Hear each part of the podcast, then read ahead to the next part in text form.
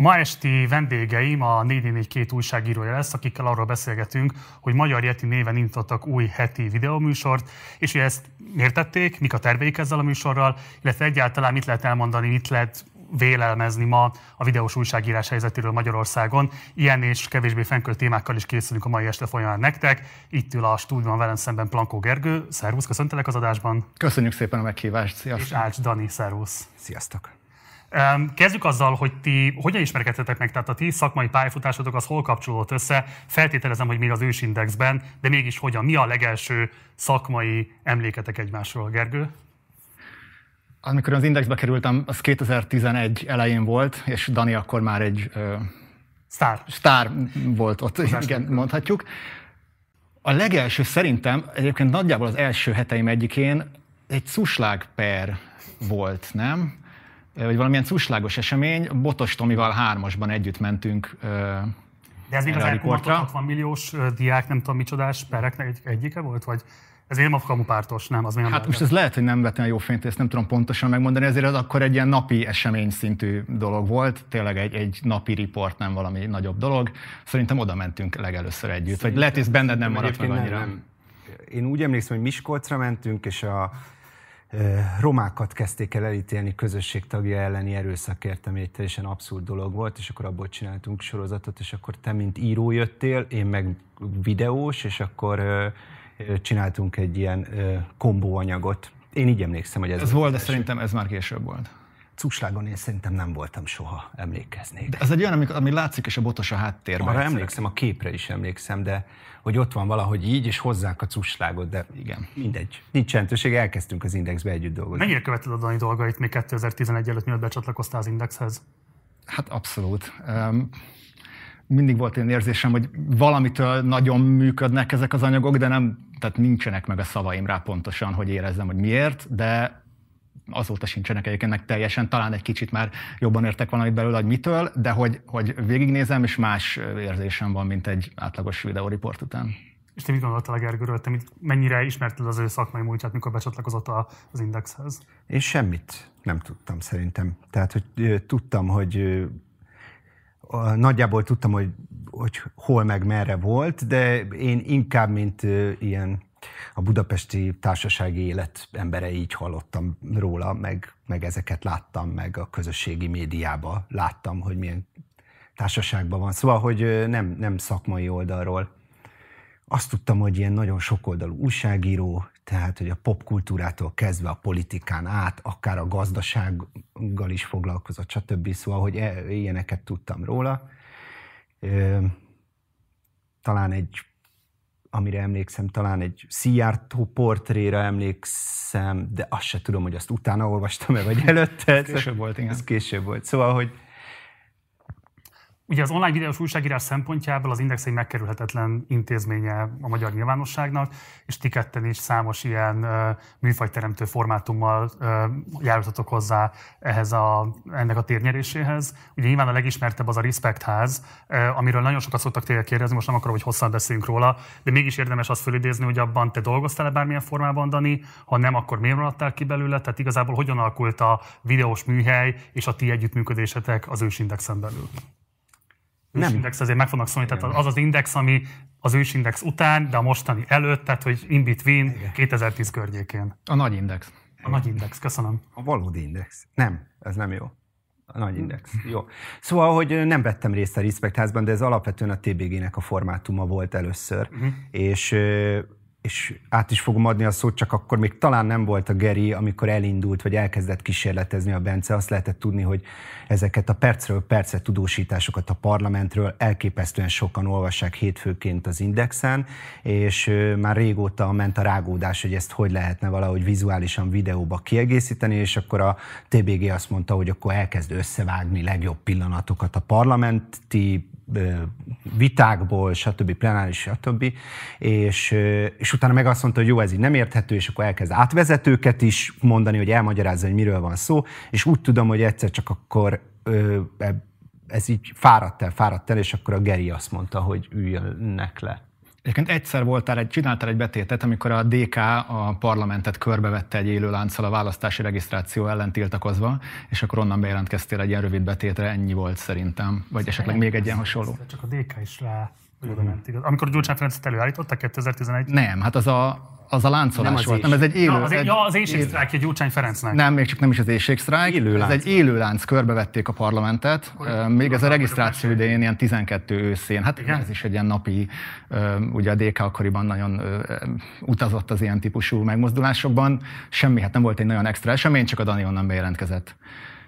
Egyébként magát a parlamenti műsort azt igen a TBG kezdte el csinálni, és hát az is olyan volt, hogy néztem, és, és tényleg lenyűgözött, hogy milyen fantasztikusan, hát időnként azzal, hogy egyszerűen csak megmutatja, hogy mi történik, azt hiszem, hogy az, az alaptörvényről szóló viták, ilyen elképesztő KDNP-s felszólalásokkal, amiket nem is kellett hozzá semmit nagyon hozzátenni, csak megmutatni a valójában. Máskor meg azzal, hogy, hogy, hogy láthatóan ott van a parlamentben, ideugrik az egyik képviselő, az odaugrik, és ebből csinál egy ilyen színes, pesgő, de azért valamit így a lényeges dolgokból is átadó műsort. És Először én a Bencével is egyéb riportokat csináltam, tehát voltunk együtt Szíriában, voltunk néhány magyar riporton, és utána mondtam neki, hogy mi lenne, ha bejönnék vele a parlamentbe. Szeptemberben, amikor elkezdődött az őszi ülés, akkor pedig egyszerűen elkezdtük ezt csinálni, ugye akkor még nem is volt neve, nem is volt, sokkal egyszerűbb volt az egész, mint ami vég később vált. Tényleg annyiból indult, hogy foglaljuk össze nagyjából, hogy napirend előtt mi történik, aztán ennek volt egy ilyen természetes fejlődése, hát gondolom ezt azért te pontosan ismered, hogy milyen ez, amikor az ember elkezd csinálni rendszeresen egy műsort, és akkor minden héten eszébe jut valami új, hogy akkor még vegyük hozzá azt, hogy megkérdezzünk ezt, vegyük hozzá azt, hogy valamilyen témát alaposabban dolgozzunk fel, és aztán ez, ez elkezdett fejlődni szervesen. Mik voltak ekkor nektek az előképek? Tehát talán egyszer beszéltünk is a Respect ház kapcsán, hogy azt kérdeztem tőled, hogy a John Stewartnak a déli show mennyiben volt előkép esetleg számotokra, vagy mennyiben fogyasztottatok ilyen tartalmakat. Tehát amikor kifejezetten a videóműhely formátumait alakítottátok ki, akkor volt-e bármilyen előkép, amire támaszkodtatok, amiből inspirációt merítettetek, vagy ez egy teljesen vakon elindult folyamat volt, amiben ti magatok fedeztétek föl a videó adta lehetőségeket az online térben?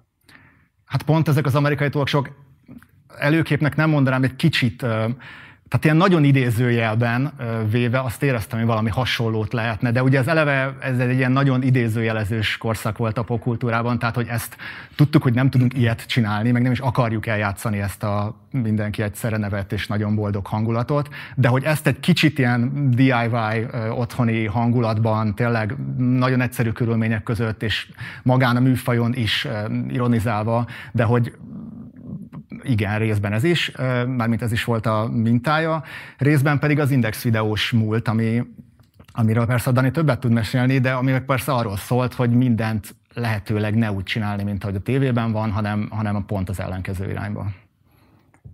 Igen, nagyjából ez volt a koncepció egyébként. Szóval, hogy ha előképek, bár a parabola volt egy előképe, azt hiszem. Egy a TBG mindig mondta, de én ezt én annyira nem éreztem át életkori mert okokból. életkori igen. okokból, igen. De ott volt ilyen a politikai életnek ilyen vicces, kiforgatott, csak hát volt egy ilyen me- mesztelenős vonal is benne, de, de azt ilyen TV paródia volt egy picit, mert és egyébként az is az érdekes benne, hogy egy picit a vlogoknak is az előképe volt, hiszen hiszen beült két ember egy elég szűk helyre, belenézett a kamerába, és onnan magyarázott és osztotta az észt, meg, meg, meg viccelődött, de ez atipikus volt az Index videón belül a Respect ház. Tehát, hogy alapvetően sokkal inkább a dokumentarista előképei voltak az Index videónak, sokkal inkább a Sziget híradó, a Fekete doboz, és ilyen előképei voltak, tehát, hogy mi sokkal inkább háttérbe akartunk, és azt ö, ö, vonulni, tehát, hogy a szerkesztő vonuljon háttérbe, a műsorvezető ne is legyen, hogyha lehetséges, mindig azok mondják el a történetet, akik részt vettek, akik ott voltak, akik látták, ne professzionális történetmesélők meséljenek, hanem úgy jussunk közelebb valahogy a valósághoz, hogy adjuk át azoknak a szót, akik akkoriban még egyáltalán nem szerepelhettek a mainstream médiában, tehát a televízióba.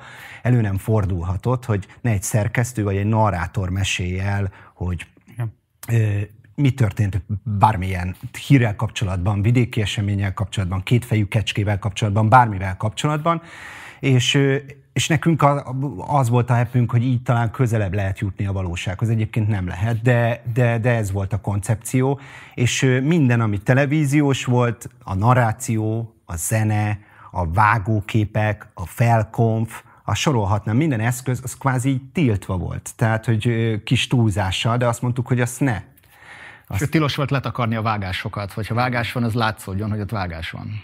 Mert hogy az manipuláció, amikor eltakarod a vágást egy vágóképpel, mint hogyha ez egy ilyen folyamatos narratíva lenne. És... Ez a morzolinak az ilyen új hullámos esztétikány való nevelődésből jött neked? Tehát, hogy ez egy ilyen godári effektusnak a 21. századi újra melegítése? Nem, nem, ez sokkal inkább a Sziget híradóból jött. Alapvetően a Kovács Ádám meg a Somlai Jáni találtak ki, vagy vez, kezdte el vezetni a és ők, ő, ők az úgynevezett Sziget híradónál, vagy Gömb tévénél szocializálódtak, ami ugye összefoglalta esténként, hogy mi történt a szigeten, és akkor a mi diákok ilyen 16 évesen odaültünk este 8-kor, és akkor még annyira ilyen, hogy mondjam, családias volt a Diák-sziget vagy Pepsi-sziget hangulata, és akkor mindenki leült, és megnézte, hogy mi történt aznap a szigeten. És ez volt igazából az Index videónak sokkal inkább az előképe. Mondom, nagyon szigorúan dokumentarista volt, és ezt ők diktálták. Én inkább akkoriban már rek, rek reklámos szemmel néztem, vagy ilyen kor, korporét videós szemmel néztem a, a dolgokat, a másik meg a, igen, a mozol is művészeti, vagy hogy mondjam, szerzői irányból néztem. Egyik sem működött egyébként. De a parlamenti videózás is igazából ebből indult, tehát az elején csak a felszólalások voltak összevágva, csak aztán kiderült, hogy segít azért, hogyha van közte valami értelmező szöveg, de ha van már közte értelmező szöveg, akkor végül is ez akár lehet érdekes is. Ha már érdekes is, akkor kicsit eljátszhatjuk, hogy föl vagyunk költözve, meg nem tudom, miközben nem is tudtunk nyakkendőt kötni, meg ilyesmi, de akkor már kicsit játsszuk el ezt az egészet, és így. És akkor már kérdezzük is meg Igen. a képviselőket, hogy miért ezt mondták meg, miért ezt mondták, és akkor, és, és akkor még lehetett, és akkor ugye a formátum az így fejlődött. Te ugye írsz is, és mellette videózol, te viszont elmondtad több interjútban, vagy valamelyik interjúban mindenképpen elmondtad, hogy te alapvetően videóztál, de a 444 indulásával kényszerültél arra, hogy írni is tehát írnod is kellett részben azért, hogy hírügyeletet vigyél, részben meg azért, hogy, hogy a tartalom hiányt azt így tudjátok balancba hozni. A, mi alapján döntöttök a formátum mellett? Tehát mi az, ami meghatározza azt, hogy egyik témát inkább írásban, vagy mozgóképen dolgozzátok föl? Én beszéljek? Hírügyeletet nem viszek, és ez egy... ez egy... Ebben volt nem, amikor vittél, nem? Nem, nem soha. Tehát soha? Hogy nagyon sokáig ment ez, hogy talán eljutok a fejlődésemben odáig, hogy egy newsroom napot is le tudok nyomni, de nem tartok még itt ebben a történetben. Szóval, hogy hát ez egy nagyon komoly dilemma. Tehát, hogy eleve az van, hogy ez a médium az, ahol elkezdtek ezek a formátumok, a nyelvek keveredni. Ugye? Tehát, hogy van írott, lehet akár meg lehet valamit csinálni fotóriportban, meg lehet valamit csinálni mozgóképben, meg lehet valamit csinálni infografikába. Tehát itt az, az online tér, és főleg az online újságírás, az nagyon nagyot változott ebből a szempontból, és nagyon nehéz, hogy mit lehet a leggyorsabban, a leggazdaságosabban és a leghatásosabban elkészíteni, és a videó az a legkockázatosabb ebből a történetből, mert hogy azt a legdrágább, az a legtöbb idő, az a legidőigényesebb formátum, tehát ezt nagyon meg kell fontolni, hogy mi az, amit, amit videóban csinálunk meg. Ez az, amihez lehet, hogy utazni kell, ez az, amihez technika kell, ehhez lehet, hogy több ember is kell, de hát nyilván kezdeti időszakban ez kimerült abban, hogy, hogy az eseményriportokat uh-huh. csináljuk meg videóba, mozgóképbe, mert hogy annak megvannak a szereplői, megvan a díszlete, a riportnak tud ízt, szagot adni az, hogyha mozgókép is van, ráadásul ezt meg tudja oldani akár egy ember is, hiszen oda megy, ott lesznek az emberek, van mondani valójuk, van lehetőség arra, hogy ott dráma, akció történjen. Tehát a fesztiváloktól kezdve a politikai tüntetéseken át alapvetően ez volt, és ez ez, ebbe így bele is ragadt, és hát a pandémia az megmutatta például, hogy, hogy ez egy nagy csapda, ott álltak a videósok, hogy oké, okay, nincsen esemény, nincsen tüntetés, nincs fesztivál, és egy éve egy csomó videós, aki ehhez szokott, aki ezt tudja, aki politikusokat se lehet kergetni, szóval, hogy ezért kell most mindenkinek elkezdenie gondolkodni azon, hogy, hogy más formátumokat is kitaláljon. Nem tudom, néhány évvel ezelőtt valami ilyesmit mondtam volna talán én is, hogy akkor még tényleg jobban elvált volna ez az egész, hogy azt érdemes inkább megírni, amit gyorsan megcsinálsz, azt érdemes inkább videóra venni, ahol tényleg valami esemény van, és ez vizuális, de ezen egy kicsit, mintha túlléptünk volna. Tehát, hogy olyan történeteket is ugye felszoktunk dolgozni vizuálisan, az, hogy parkoló automaták, mi abban vizuális?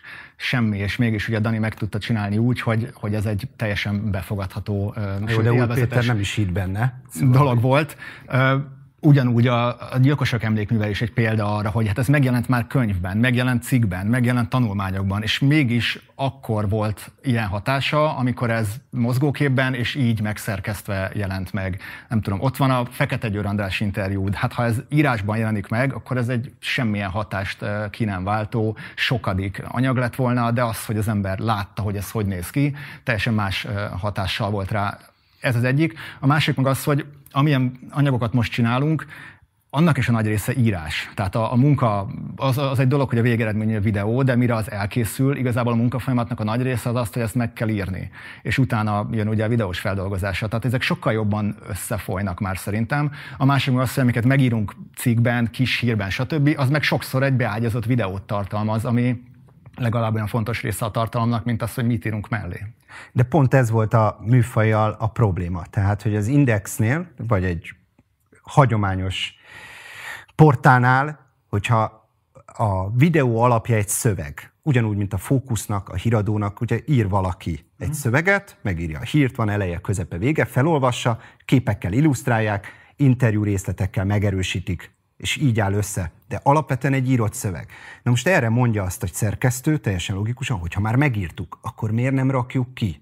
Miért vesszük föl a hangot, miért kezdjük el, és rakunk bele három-négy képet. Ez, ez, a, ez az ős dilemma ezzel az egész történettel, nem csak ez egyébként, de hogy minek még tovább, amikor az, az a fontos, hogy gyorsak legyünk, hogy, gyors, hogy megnyerjük a hírversenyt. És vannak olyan esetek, de ez, ez most is dilemma, amikor azt mondjuk, hogy higgye el a szerkesztő, hogy ez mozgóképen sokkal nagyobb hatása lesz, sokkal több, ö, hogy mondjam, visszajelzést, ö, bármit tud gerjeszteni, hogyha ez mozgóképpen, de hát ezt azért alapvetően... Ez igazolódik, tehát hogy szélesebb az elérése mondjuk egy jól megszerkesztett videós anyagnak, mint mondjuk egy írott szövegnek?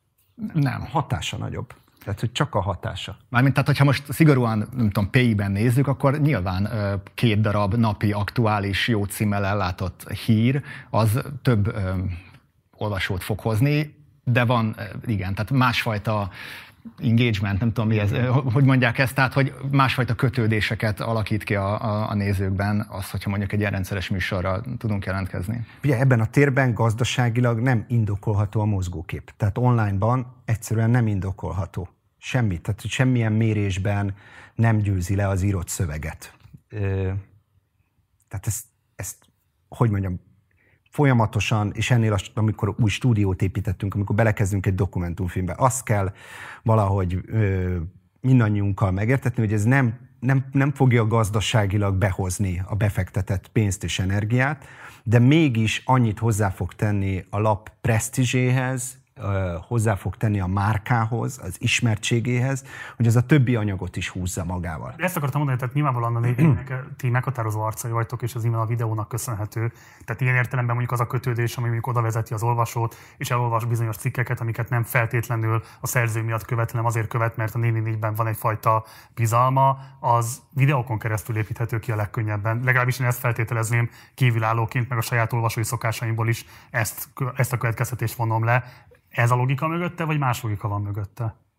Hát nem csak videókon keresztül is, de egyébként van. Tehát most például a hírlevelek nagyon mennek valamiért, az is nagyon erős személyes kötődéseket szokott kialakítani, hogyha az emberek azt látják, hogy a postaládájukban megjön a... Tehát Úgy van egy ilyen érzés, igen, hogy ez, ez neki készült. Azért erős cikkeken a hosszú TLD-ereink, tényfeltárásaink nem tudom, Szililaci személyes hangulatú cikkei, és a többin keresztül, tehát az, az szerintem nem igaz, hogy ez csak a videón keresztül, az inkább úgy mondanám, hogyha valaki bármilyen formában, függetlenül az, hogy ez podcast, videó, cikk, hírlevél, de valamit valami, valamit hozzá tud tenni, valami hozzáadott értéke van, akkor igen, akkor az húzza a többi anyagot is. De való, az biztos, hogy ezek közül a formátumok közül a videó még mindig a legdrágább. Ugye számos formátummal próbálkoztatok a 4 belül is. Te csináltál ugye infotainment videókat, vagy videó eszéket, amelyben ültél a kamera előtt és elmondtál egy, egy hosszabb történetet és kontextust adtál politikai eseményeknek. Te próbálkoztál oknyomozó dokumentumfilm, most legutóbb ugye pont a Gyilkosok emlékmű az egy más típusú dokumentumfilm volt. Mi az a vizuális formátum, amit szerintetek még elbírna az a keret, amit a 444 tud számotokra biztosítani, és amivel terveznétek, vagy amivel szívesen kísérleteznétek, ha lehetőségetek lenne rá? Én alapvetően a nagy, nagy film irányába még mennék. Tehát, hogy eddig úgy tűnt, hogy azért most már több nagy filmünk is volt, van, ami ilyen sorozati jelleggel jelent meg, mint például az orosz befolyás Magyarországon, van a parkoló, stb. És, és úgy látom, hogy, hogy ugyan akár hónapokig is eltarthat a, a, ennek az elkészítése, és sok pénzbe is kerül, de utána eddig úgy tűnt, hogy, hogy elképesztően hosszan ver hullámokat a dolog, tehát hogy hogy tulajdonképpen, és nagyon erős kötődést alakít ki a nézők és az olvasókban egy-egy ilyen nagyobb film. Tehát egyszerűen nem, nem lehet egy cikkel olyan hosszú hatást elérni, meg egyszerűen ennyi visszajelzést elérni, mint egy ilyen nagy filmmel. Még egy kis videó is, hiába néztek meg kis videóinkat sokkal többen akár, mint ezeket a nagy filmeket, azok úgy valahogy el tudnak szállni, akár egy milliós nézettséggel is. Sokan végignézték, de nem beszélnek róla, és van olyan film, amit, hát a parkolós film most már azért nem tudom, két éves, vagy három éves, és az elmúlt hónapokban még jött rá 110 ezer megtekintés. Uh-huh. Tehát, hogy eszméletlen a hosszan tud, hogyha jól működik, akkor, akkor ö, ö, hatni, és, ö, és, és én ezt így szeretném folytatni, ameddig, ameddig sikeres. Tehát, hogy én most úgy látom, hogy ezt várják is tőlünk a nézők, ilyen ötleteink vannak is, tehát nagyobb formátumokban, mint például nálatok a, a rablópártok, azt nagyon ö, nagy irigykedéssel néztük. Ö, szerintem ti is érzitek ezt, hogy egy ilyen rablópártokat akár hónapokig, évekig emlegetnek. Igen csinálnak el fikciós formátumokat, és hogy kísérletezni ilyesmivel? Pont a parkolós kapcsán gondolkoztam azon, hogy egyébként nagyon kevés hiányozna az, hogy ez mondjuk egy magyar drót lehessen, vagy egy magyar drótnak mondjuk egy, egy évada vagy történetszála lehessen. Ilyesmi foglalkoztat téged?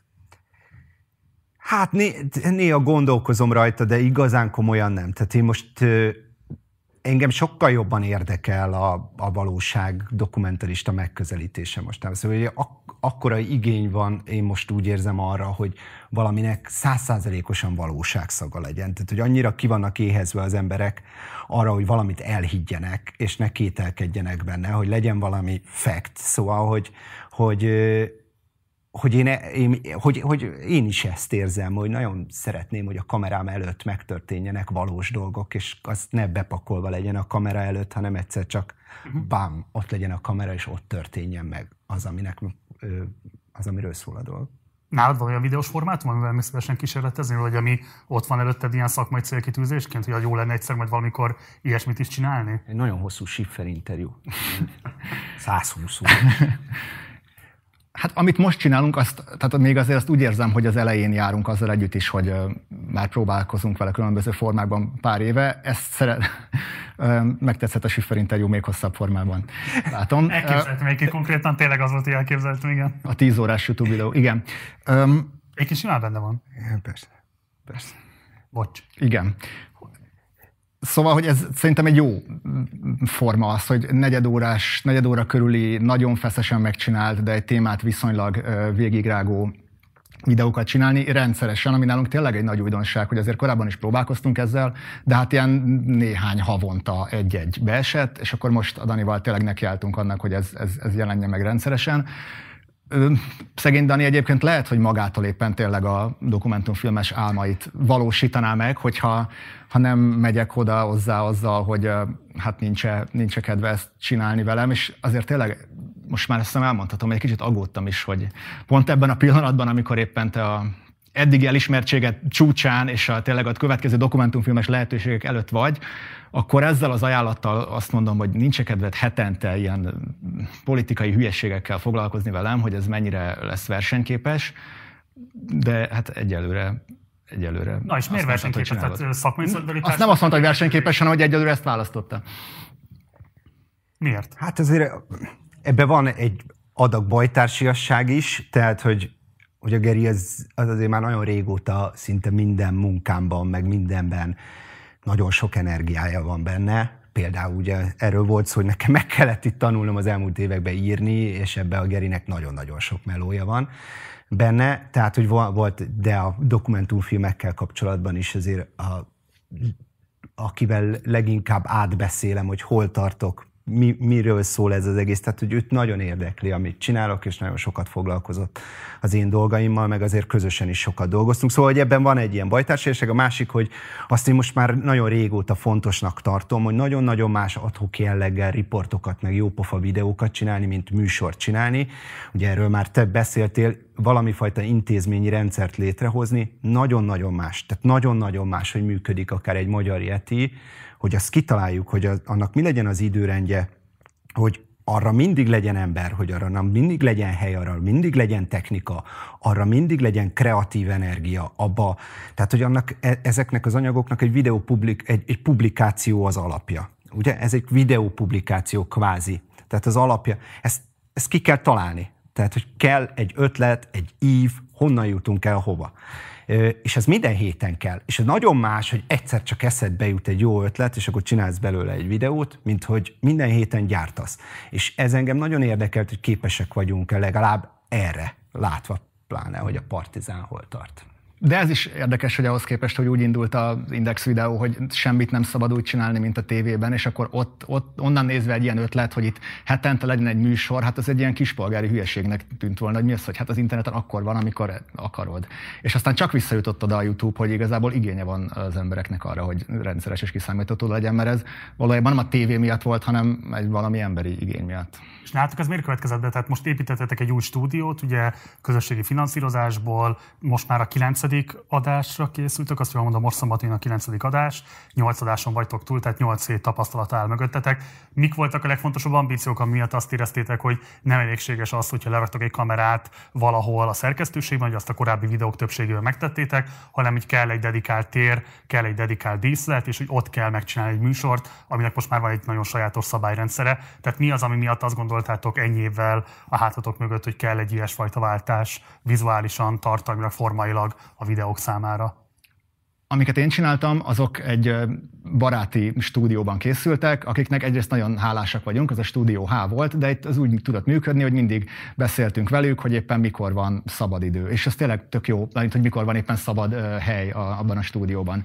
És ez jó volt, de egy idő után már nem, tehát hogy nem volt ilyen kényelmes, hogy ahhoz is igazodni kell, hogy ők éppen mikor érnek rá. A saját uh, irodánk az egy kicsit hang szempontból nem, nem ideális, meg külsőség szempontjából se. Tehát uh, régebben azért erre kevésbé figyeltünk, most már egyszerűen ciki lenne a Youtube-on ott megjelenni, vagy nagyjából valami ilyesmit éreztem, és, és az meg közben úgy, úgy éreztem, hogy ahhoz, hogy legyen egy műsorunk, ahhoz fontos, hogy, hogy legyen egy saját hely, mert a Respect háznál az még nagyon jól működött, hogy a parlamentnél jobb díszlet nem kell. Tehát az, hogy ott leültünk egy asztalhoz, jönnek, mennek a képviselők, ott vagyunk az események közepén. és békeidők, igen. Igen, annál több nem kell, de ez ugye megszűnt ez a tér egyébként, nem csak fizikailag, hogy nem mehetünk be, hát szellemileg is megszűnt, tehát hogy már úgy értem, hogy... Volt róla igen. Hogy, hogy igen, tehát hogy nem, a, a parlamenti képviselők se akar, nem is akarnának már válaszolni, nem is gondolják úgy igazából, hogy, hogy nekünk ott helyünk van, vagy ők szeretnének beszélgetni. Tehát ennek van egy ilyen kicsit metaforikus jelentése, hogy mi aztán beszorultunk egy szobába végsősorban, és onnan próbálunk megcsinálni valamit, viszont akkor az a szoba legalább nézzen ki úgy, ahogy, ahogy szeretnénk, és ott az legyen a mi világunk. Csak nagyon röviden, hogy azért a mi irodánk az akkor, amikor még nem volt pandémia, nagyon-nagyon zsúfolt volt, tehát hogy ott nagyon nehéz volt időpontot is találni, amikor fel lehet venni egy ilyen, egy ilyen adást. Heti adással nem lehetett ott készülni, tehát hogy akkor az, az, az két hét alatt befutcsolt volna. Tehát tényleg nem tudunk hol, nem tudnak hol telefonálni az újságírók meg. Tehát, hogy van egy meeting room, abba azt most már foglalni kell időpontot, ott lehetett volna felvenni, és iszonyatosan vízhangos volt. Tehát, nem, nem, tehát hogy élvezhetetlen volt az egész. És én nem vagyok ilyen ö, technika mániás, vagy hogy mondják ezt, szépen. Szóval, hogy, hogy de hát az, az már nagyon rossz volt. Tehát így jött vissza mindenhonnan. Nem, szóval, hogy az nem volt alkalmas erre, hogy, hogy ott műsort. Meg ez azért arra is kényszerít minket, nem? Tehát, hogy ha már ezt így összedobták az emberek, akkor üljünk bele és csináljuk, mert mert erre szedtük össze a pénzt, nem, nem arra, hogy egyszer megnézzék. De ezt is fokozatosan, tehát hogy régen, ha azt mondták volna, hogy jaj, figyeljetek jobban arra, hogy milyen a hang, meg milyen a kép, akkor így mondtuk volna, hogy jaj, nem már, hát az a lényeg, hogy milyen a tartalom, de, de hát azért rájöttünk, hogy nem, nem csak. A Yeti, mint állat egy ilyen nagyon misztikus, vagy hát ilyen fogalom, nagyon misztikus jelentőséggel bír a 4 életében. A Yeti válasz volt elvileg az eredeti cím, amivel akartatok indítani alapot, aztán Yeti Yeti válasz ZRT, vagy hogy mi a most a kiadóvállalatnak a cím neve? Hát a Magyar Yeti ZRT. Magyar Yeti ZRT, igen. És akkor most van, van Magyar Yeti mit műsor. Mitől lett ilyen jelentőség a Yetinek a ti életetekben? Hát nem lett, igazából nem egyeztettük a, a vezetőséggel, hogy ennek a műsornak magyar. Tehát itt az volt, hogy egyszer csak kiderült, hogy kész van. Sokáig vártunk a stúdióra, itt a pandémia alatt, meg nem jöttek a lámpák, meg minden, és akkor egyszer csak kiderült, hogy figyelj, a héten kész lesz a stúdió. És akkor, az a, akkor holnapra tudunk-e rajzolni valami ilyet? Nem. Én behoztam, nem tudom, négy-öt nevet, és akkor Geri, tök, tök, tök, mm, legyen neked, ez. Neked mi lett volna a kedvenced? Hát figyelj, meg, a, a, amin dilemmázt, a magyar Yeti volt végül is, ami, ö, én is arra voksoltam, de ez volt, hogy hát akkor itt fogunk élni. Az, az lett, tehát a, magyar, a megáll az időből lett volna a, a szlogen, ami számodra ismerős. Ö, ö, talán a 18-as választások ö, utáni mondat, de hát aztán ez olyan nagyon, pont azért, mert mert rájöttünk, hogy nem biztos, hogy itt fogunk élni.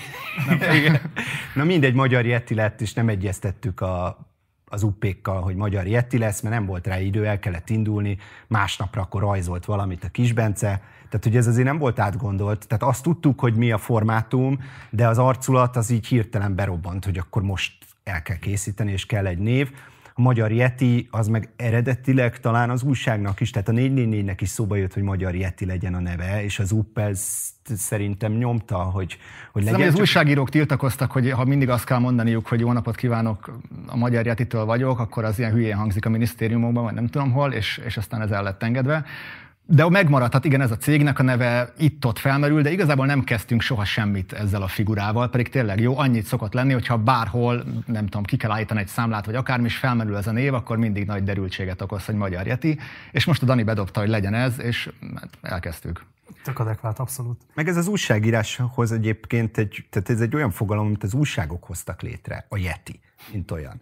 Tehát ez nem egy mesebeli lény, hanem valaki látta a Yetit, és akkor az újságok megírják. És, és hogy lehet az, hogy valami évtizedeken keresztül vissza-vissza tér az újságokba, miközben nem lehet tudni, hogy egyáltalán létezik-e. Ugye ez a nagy láb... A Partizán stúdiában elismert, hogy valójában egy fake news gyár analógiára jött létre most a névválasztásotok? Hát egy, hogy ezt az UP találta ki, tehát ezt vele kell megbeszélni, hogy, és akkor még a fake news fogalma érdekes, mert amikor mi elindultunk, még nem létezett. Szóval, hogy de igen, valami, egyébként nem feltétlenül fake news, hanem hát ilyen Loch Nessi szörny, ilyen az újságírás. Igen, igen. Én egy másik megfejtést húztam rá utólag most a műsorunknál, hogy, a, hogy ez a magyar rendszert fejezi ki igazából, hogy mennek ezek az értelmiségi viták régóta, hogy ez versengő, autoriter, vagy illiberális, vagy beteg demokrácia, vagy nem tudom micsoda, és akkor mi meg azt mondjuk, hogy ez egy magyar jeti. Oké, okay, jó. Mivel magyarázátok azt, hogy ö, talán nézők számára ez nem egyértelmű, de ugye az, a, tehát a 444 az igazából egy ilyen közepes méretű kiadóvállalatnak és ö, szerkesztőségnek tekinthető az online média piacon, és ugye nálatok nagyságrendekkel nagyobbak, nál nincs ilyen kiforrott videórovat. Tehát most nem akarunk feltétlenül évekbe belemenni, de hogy miért van az szerintetek, hogy Magyarországon azon a szemponton kívül, amit mondtál, de hogy ez egy költséges dolog, de mégis azt is mondtátok, hogy magas presztízse van. Miért nincsenek sokkal kiforrottabb videószerkesztőségek, miért nincsen a nagyobb média termékeknél olyan karakteres videórovat, amire lehetne tudni, hogy igen, itt ő és ő a videós újságíró, ilyen is ilyen videókat készít. Tehát, hogy elvétve lehet mondani, csak egy-két ilyen arcot, aki egyáltalán beazonosíthatóan egy-egy kiadóvállalathoz tartozik. Mivel magyarázátok, hogy ennyire gyér igazából a konkurenciátok? Hát ez most ez ilyen politikusi válasz, de ez tényleg tőlük kellene megkérdezni, és igazából szoktak is itt lenni, tehát, hogy nem tudom, Pető Péter is volt már itt, Gergely Márton, szerintem ez tényleg érdemes. De érdekel a ti válaszotok is. Nekem azért több, ez, én erről nagyon hosszan tudok beszélni, mi az online videónak a problematikája, de hát az egyik a YouTube, tehát, hogy, hogy a legdrágább, legidőigényesebb tartalmaikat átadjuk, átadjuk a Google-nek. És és ezt a problémát egyelőre nem tudják megoldani a, hogy mondjam, a, a, a magyar médiapiac hiába próbálkozott Inda videóval, meg videával, ezek nem tudják felvenni a Google-el a versenyt, és a mi nézőinknek is szerintem több mint a fele, az a YouTube-ról jön, és hát én találkoztam, év, évekig ment az, hogy találkozom fiatalokkal, és, és azt hiszik, hogy egy YouTube csatorna vagyunk, mert ők onnan jönnek a 444-re, és nem tudják, hogy van mögötte egy 444. Tehát az, ami a legdrágább, a legidőigényesebb, a legtöbb ember dolgozik vele, a legtöbb macera van vele, az konkrétan egy óriás cégnek átadjuk ezt a terméket, és ő rak bele reklámokat, és hát amit ugye visszaad belőle, az abból meg nem tudunk építkezni. Tehát, hogy van egy ilyen alappiaci probléma ezzel az egésszel, amit tulajdonképpen megakadályozza azt, hogy igazán dinamikusan tudjunk fejlődni, mert az sincs, hogy mondjuk a YouTube úgy döntene, hogy mondjuk pályázatokat ír ki, vagy én nem tudok róla, nyilván Google pályázatok vannak, de hogy a YouTube az nem kezdi el mondjuk kiemelni azokat a tartalmakat.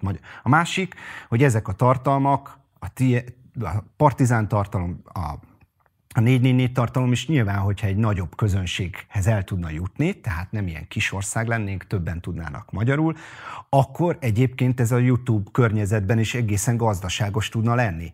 Tehát, hogy mondjam, kevés néző van, ráadásul a YouTube-on kevesebbet ér egy magyar néző, mint egy amerikai néző tehát kevesebbet fizet Igen. egy amerikai kattintásért, mint egy magyar kattintásért. Tehát van az a Facebook, Google, YouTube probléma, amit hatványozottan jelentkezik ebben a, a mozgóképes közegben.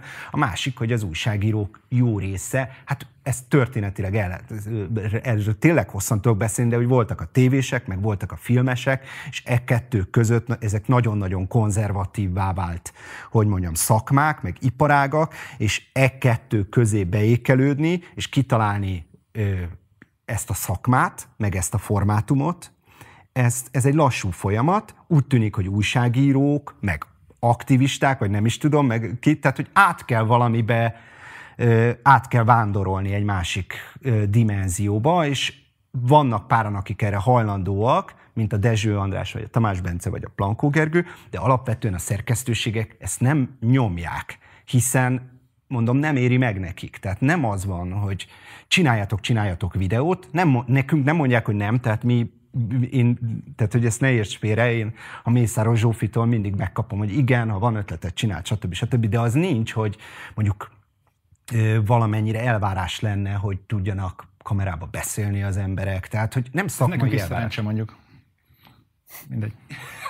De, igen, átadom. Nem mindegy, ez tényleg, tényleg egy, egy, egy komplikált dolog, de...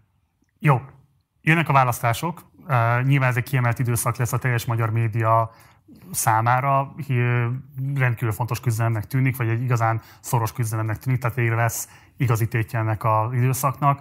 Mivel készültök kifejezetten videós szempontból? Tehát ez bármennyire befolyásolja a ti tartalom előállítói terveiteket. Van-e bármi, amit esetleg el tudok erről mondani most a nézőknek? Kergő. Hát a, ezzel fog foglalkozni a, a Magyar Yeti szerintem nyár végétől, tehát amikor nyár második felétől, tehát amikor ez élesebb már lesz az egész. Eleve most, amikor elkezdtük, akkor ezt egy kicsit ilyen tesztadás szeriségnek szántuk, tehát ahogy tényleg mondta Dani is, azonnal az első pillanatban, amikor elkészült, akkor elkezdtük csinálni, de részben azért is, hogy megismerjük a lehetőségeket, hogy, hogy amikor kampány lesz, akkor ezt már élesben tudjuk nyomni. Igen, alap, alapvetően most, tehát hogy amikor leültünk megbeszélni, hogy egyáltalán ezt együtt csináljuk, akkor azt gondoltuk, hogy most próbáljuk ki, hogy ez egyáltalán hogy működik, meg hogy tudunk hetente ilyen műsort gyártani, de de a cél az, hogy valami kiforjon a választásokra. Legalább az, hogy kik vesznek ebben részt a 444-ből, hogy ki milyen munkát végez, hogy ezt a stúdiót egyáltalán be tudjuk úgy világítani, hogy ne sikítsak, hogy milyen szörnyen nézünk ki, meg néz ki a dolog, és ez, ez a tíz adás... Most, vagy tíz... most nem mondod komolyan szoktál sikítani ettől. Én el, elképesztő hisztiket tudok csapni, igen, hogy mi hogy néz ki. Igen. Hát az a stúdió, mi bajod van vele? Hát de nem a stúdióval van a bajom, hanem hogy hogy használjuk. De ja. ez, tehát hogy, hogy értünk-e hozzá, nem értünk-e hozzá. Problematika, meg mit, hogyan kéne, de... Ameddig nem bassza meg egyetlen egy munkatársatokat sem az áramadik, azért nagy baj nem lehetne aggódni. De egyébként az a veszély is fennáll. Azt hiszem, hogy ez elhárult most. Most arra. elhárult, igen. Na hát akkor innentől kezdve tényleg Kánán.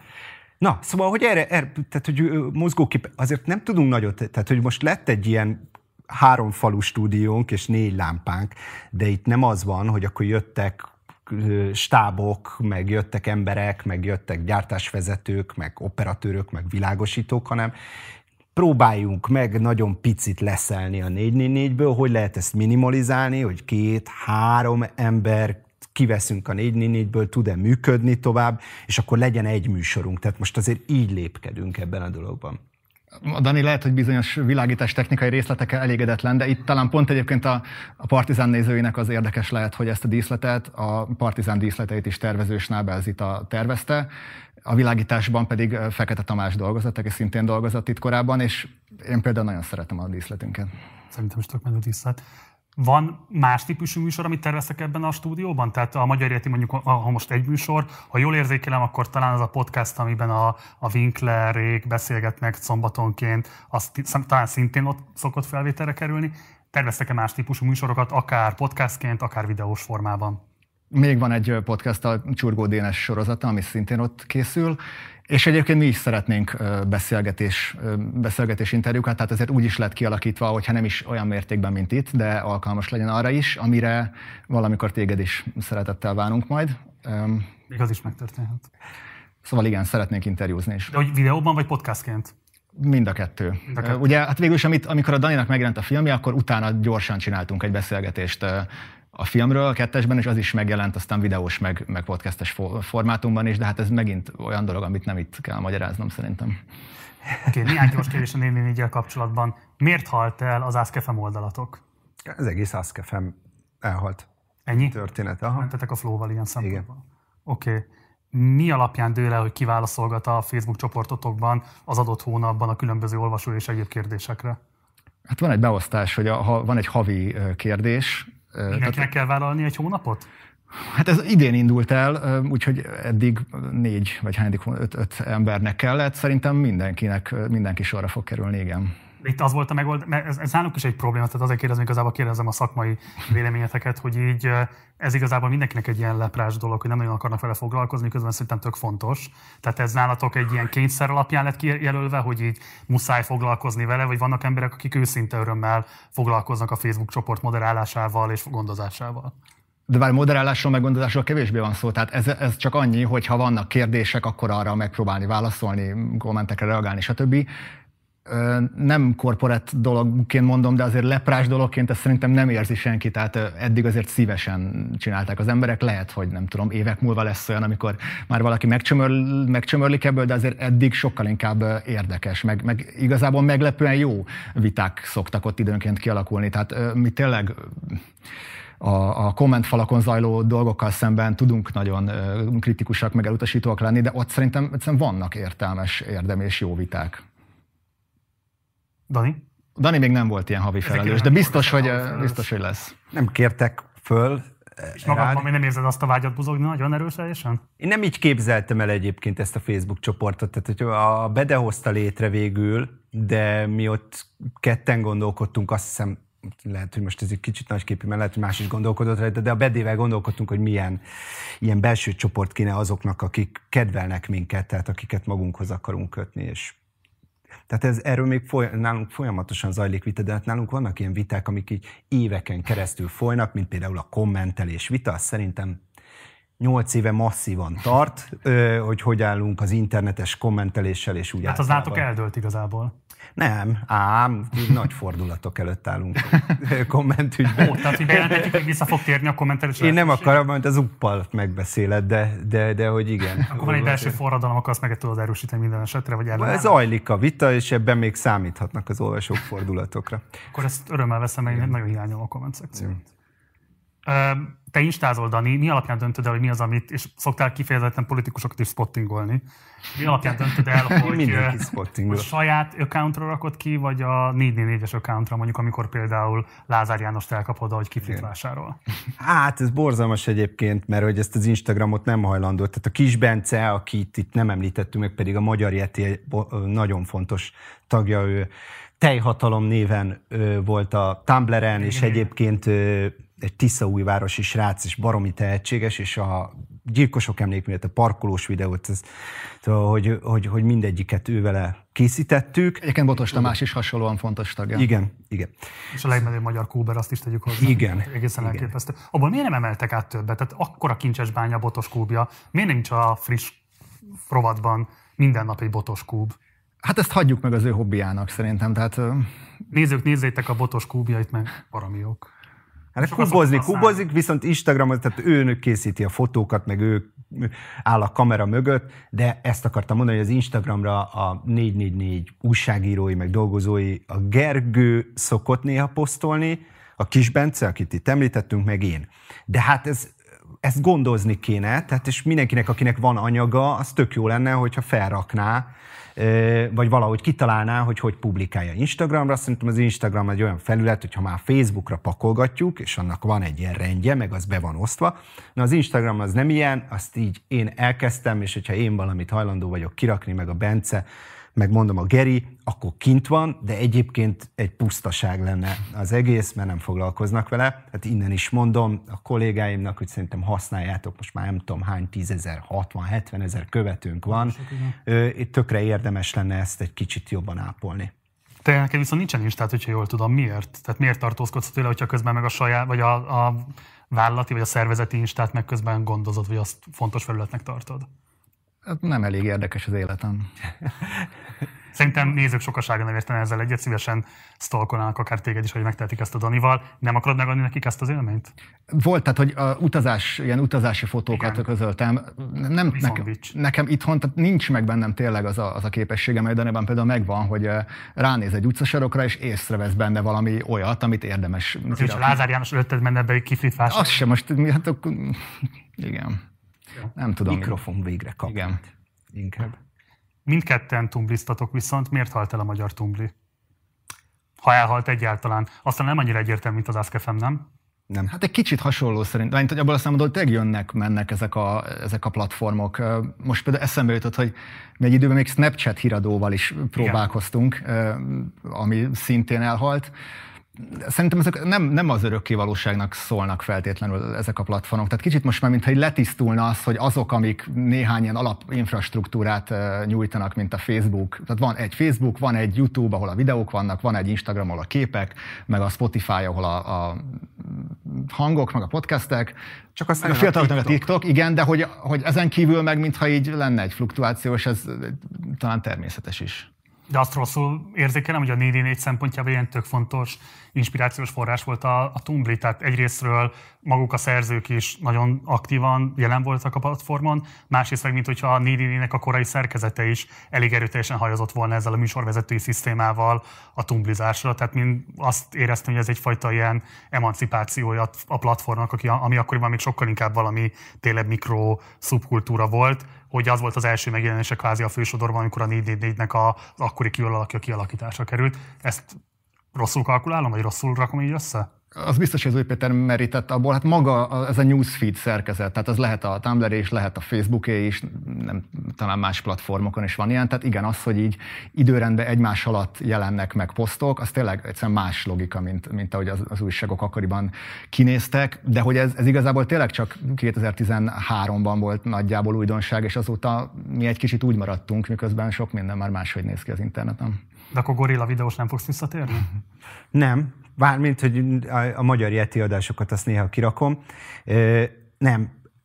Egy, hogy azért egyébként nagyon-nagyon érdekes volt szerintem a Tumblr, a magyar Tumblr, tehát hogy egy ilyen nagyon kreatív közeg volt. Tehát, hogy Abszolút. a Harrison Fordtól kezdve, tehát novellákon keresztül különböző sorozatok, különböző versek, ugye volt, tehát egy csomó minden kreatív tartalmat megjelent, de egy, hogy a média ezt úgy, tehát hogy mondjam, ki is emeltük a legjobb szerzőket. Tehát Harrison Ford most már nálunk ír, meg a Szarazene nálunk ír, meg a ö, Horváth Bence nálunk ír, tehát hogy azért az is lett, hogy ők elkezdtek professzionális tartalomgyártókká válni, akik ott igazán tehetségesek voltak.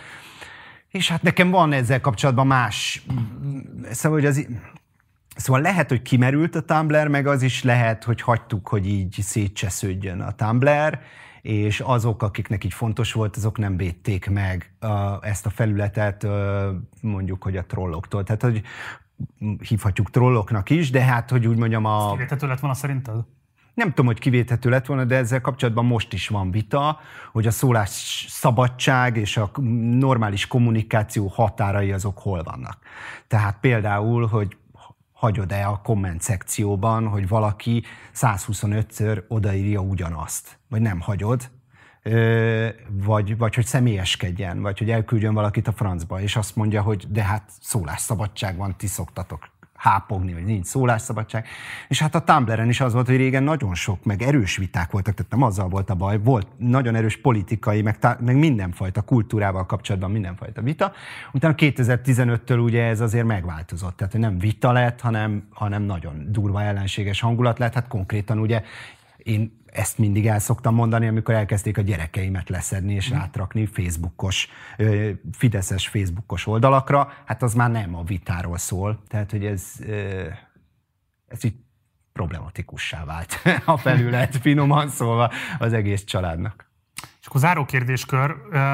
Gergő, te részt vettél egy sajtós berkekben igenis nagy hatásnak tekinthető vitában Apáti Bencével, amelyben később ugye aztán Szili László Hudgergely erült ki ugyanezen a vitafórumon, és ugye általában szerintem van egy ilyen elmozdulás, vagy amennyire én ezt így kívülről tapasztaltam, hogy egyre erőteljesebb az igény arra vonatkozóan, hogy valamilyen módon azoknak az újságíróknak, akik nem a kormányzati oldalon találják meg a boldogulást, hanem pont attól függetlenül, akár az világnézeti különbségek ellenére is próbálnak meg valamilyen módon szövetséget kötni, együttműködést vállalni, partnerséget kialakítani, tehát hogy zajlik egy ilyesfajta diskurzus, én nem azt mondom, hogy ez különösebben hivatalos formát öltene, de hogy egyre inkább fölmerül szerintem egyre több fórumon, hogy mit lehetne kezdeni azon kívül, hogy így elmesélése kerül, hogy ezek mennyire borzalmas folyamatok, amik kesmát és egyéb ilyen szörnyszülött intézményeket eredményeznek. Számotokra a szakmai érdekvédelem kérdése mennyire fontos, mennyire személyesen akár mennyire fontos, a szerkesztőségen belül beszéltek erről a kérdésről, hogyan gondolkodtok erről a problémakörről? Gergő? Nem mondom, hogy nagyon sokat foglalkozunk ezzel. Az egyik, ugye az általad említett nem tudom, szakmai szervezkedésnek talán nem mondanám, de van ugye egy Facebook csoport, ahonnan részben elindult az egyik szerintem elég jó példa, amikor nemrég Igen. 27 szerkesztőség aláírta azt a nyílt levelet, hogy, hogy engedjék be a független sajtót is ugye a Covid osztályokra. Intervence kezdeményezése volt az úgy tudjuk.hu újságíró. Igen, igen. Ez ugye azonnali elutasítással találta a kormány részéről, de egyébként meglepően heves reakció volt. Tehát ezért látszott, hogy valamennyire megérintette a... Hát és utána indultak a termelési riportok az ember készítésében. Igen, tehát látszott, hogy valamennyire megérintette a kormányzati kommunikációt, de szerintem nem csak ez volt a lényeges hatása ennek, hanem hogy az olvasók felé azért itt mégiscsak a független sajtó egésze üzent valamit, hogy ez, ez egyáltalán nem oké, okay, ami történik a, a járvány kommunikációban, illetve a járvány bemutatásainak lehetőségei körül.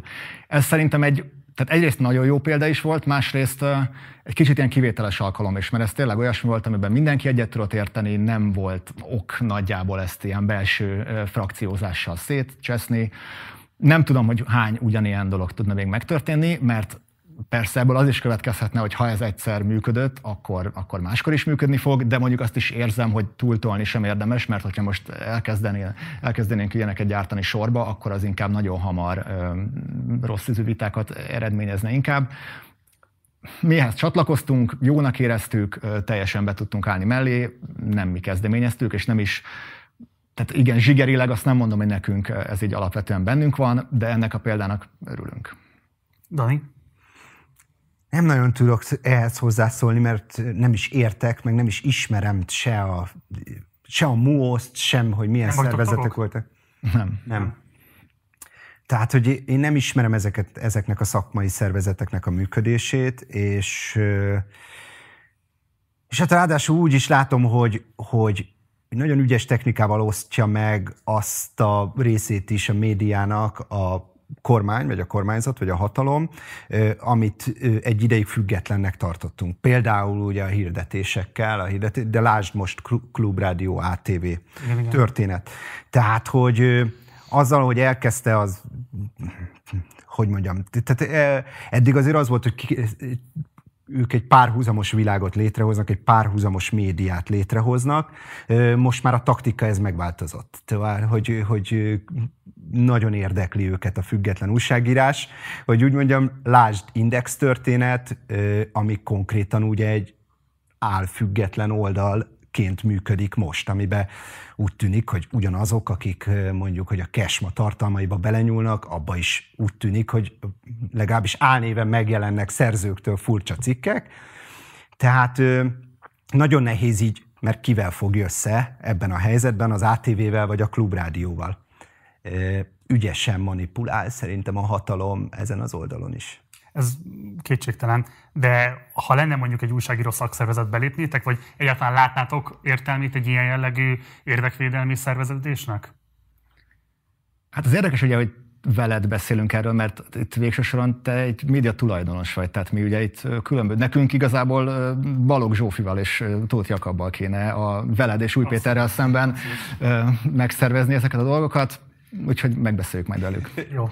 Dani? Nincs mit hozzáfűzni. El lehet mondani a nézőknek, hogy mi várható ezen a héten a Magyar Yetiben? Dobrev Klára, Gyurcsány Ferenc, a Demokratikus Koalíció, Hát kell lennél több, igen. Masszív hétvége akkor. Jó, akkor fiúk, egyrészt nagyon köszi, hogy itt voltatok, és köszi, hogy ránk szántátok az estéteket. Úgyhogy zárásként már csak egyetlen egy kérdés van hátra. Ne, nem öltünk meg senkit. Nem? Biztos mered állítani? Srácok, hol van a táska? Milyen táska?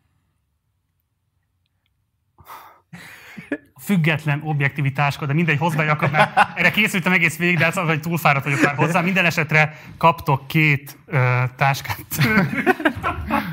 és uh, hordjátok nagy egészséggel, vagy nem tudom, hosszátok Köszönjük, köszönjük szépen. Azt érzitek, hogy más Nagyon kedvesek vagytok. Nagyon köszönjük, itt voltatok, és uh, gyertek majd máskor is. Köszönjük Köszönjük szépen. Nem feltétlenül elbaszni a poént. Na, ez volt a beszélgetésem Plankó Gergővel és Ács Danival. Köszi szépen a figyelmet, mindenkit iratkozz a csatornára, ha még ezt nem tetted volna meg, ha pedig lehetőséged van, akkor kérlek, hogy szállj be a finanszírozásunkba a Patreon oldalunkon keresztül, vagy pedig a bankszámlaszámukon keresztül, vagy pedig a PayPal elérhetőségünkön keresztül. Ezek mindegyikét megtalálod a leírásban. Van még egy Facebook oldalunk, illetve egy Facebook csoportunk, és utóbbinak Partizán társalgó a címe. Oda is várunk, és akkor tudunk vitatkozni az éppen aktuális témákról. Ha nem szeretnéd nézni, hanem inkább hallgatnád a Partizánt, azt is megteheted az összes nagyobb podcast platformon, korlátozás nélkül elérhetőek ezek a beszélgetések beszélgetések. Instagramon pedig Partizán Politika néven találsz meg bennünket. Köszönöm szépen még egyszer munkatársi nevében is a figyelmet, hamarosan találkozunk, addig is, ciao.